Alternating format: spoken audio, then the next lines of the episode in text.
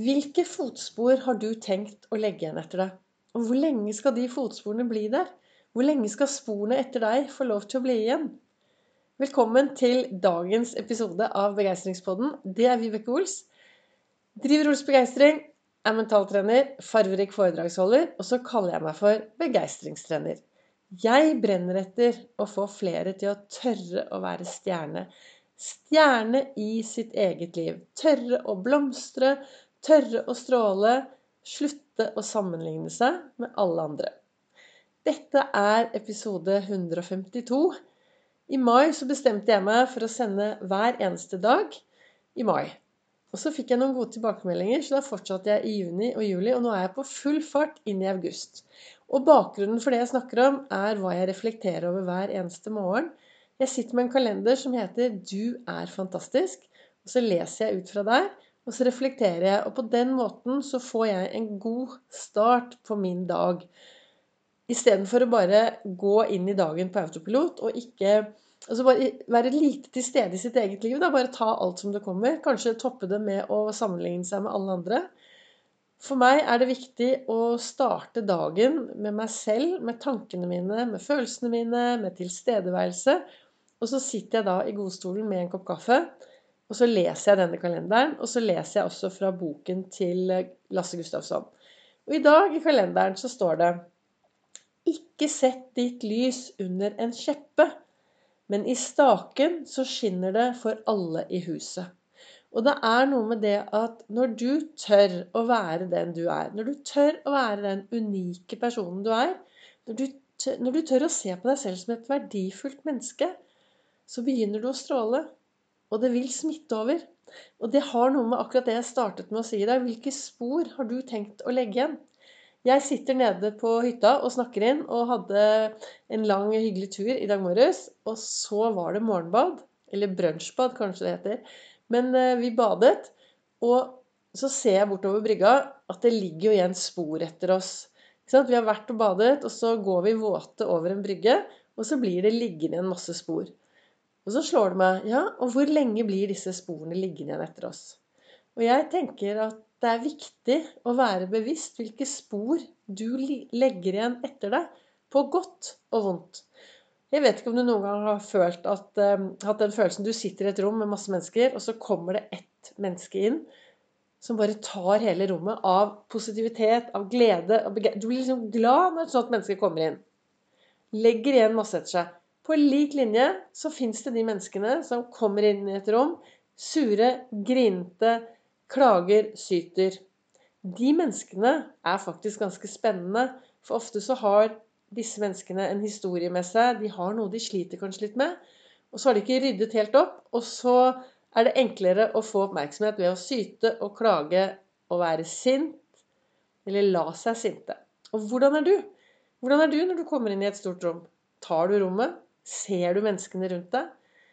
Eller er du en som klager og syter? Jeg leser jo også da i Lasse Gustavsson sin bok, og i dag så sto det der Sorgen er som en pil. Du blir bare såret om du prøver å stanse den i flukten. Altså om du prøver å stanse den pilen.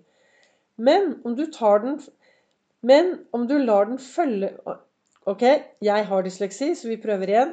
Men om du lar den følge sin bane ut, da vil den falle til slutt, uskadelig til jorden. Og det er noe med det at hvis en sorg kommer, så la sorgen komme, og kjenn på den, og så vil det gå over. Blir du sint for noe, så er det også viktig å tenke, finne ut hvorfor blir du sint, og hva er det som skjer. Jobbe med det, og så går det ut. For det, det som kan skje hvis du ikke jobber med disse tingene, er at det blir liggende i deg et sted. Og så har du plutselig en opplevelse som minner deg noe om, den, om dette som har skjedd tidligere, og så vil du få opp de samme følelsene. Så det å være ren i tankene sine, det å være, ha gode tanker, jobbe med seg selv med det som skjer hver eneste dag Wow, nå skjedde det noe. Hvordan skal jeg takle dette? Hva var grunnen til at sånn og sånn skjedde? Du, jo mer du klarer å være til stede i ditt liv og det som skjer med deg, jo enklere er det faktisk å stå på en scene og være stjerne. Og tenk om vi alle sammen står på hver vår scene, eller plattform. For vi jo alle, står jo alle på en scene hver dag.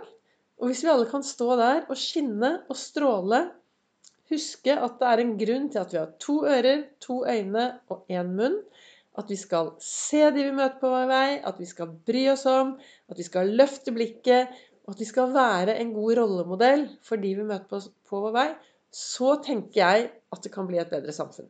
Det er sånn som jeg tenker. Det bor over fem millioner mennesker i Norge. Fem millioner historier, fem millioner sannheter. Det jeg snakker om, er det jeg tror på. Det er det som virker for meg.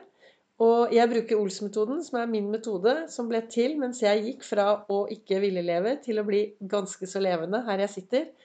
Min metode i hvordan jeg takler dagene. Kort fortalt ha gode tanker, ha en bra indre dialog, vær til stede her og nå. Og så ha fokus på det som er bra i hverdagen. Altså fokusere på det du faktisk kan gjøre noe med. De tingene det er umulig å gjøre noe med, de legger du til, eh, side. Så det å være til stede i sitt eget liv. Så hva ønsket jeg å si med dagens episode? Jeg ønsker å få deg til å være stjerne i eget liv. Ja. Jeg ønsker å få deg til å stå på en scene og stråle. Og det er kun du som vet hva som skal til for at du kan stråle og bli litt mer fornøyd og smitte det ut i samfunnet. Og da er det viktig at du ser på deg selv som et verdifullt menneske, at du er et bra menneske og tar en god indre dialog. Og gode tanker. Rene tanker. For alt dette vil påvirke deg i din hverdag, slik at du kan være stjerne i eget liv. Tusen takk for at du lytter til Begeistringspodden. Du finner meg også på både Facebook Ols Begeistring og på Instagram Ols Begeistring.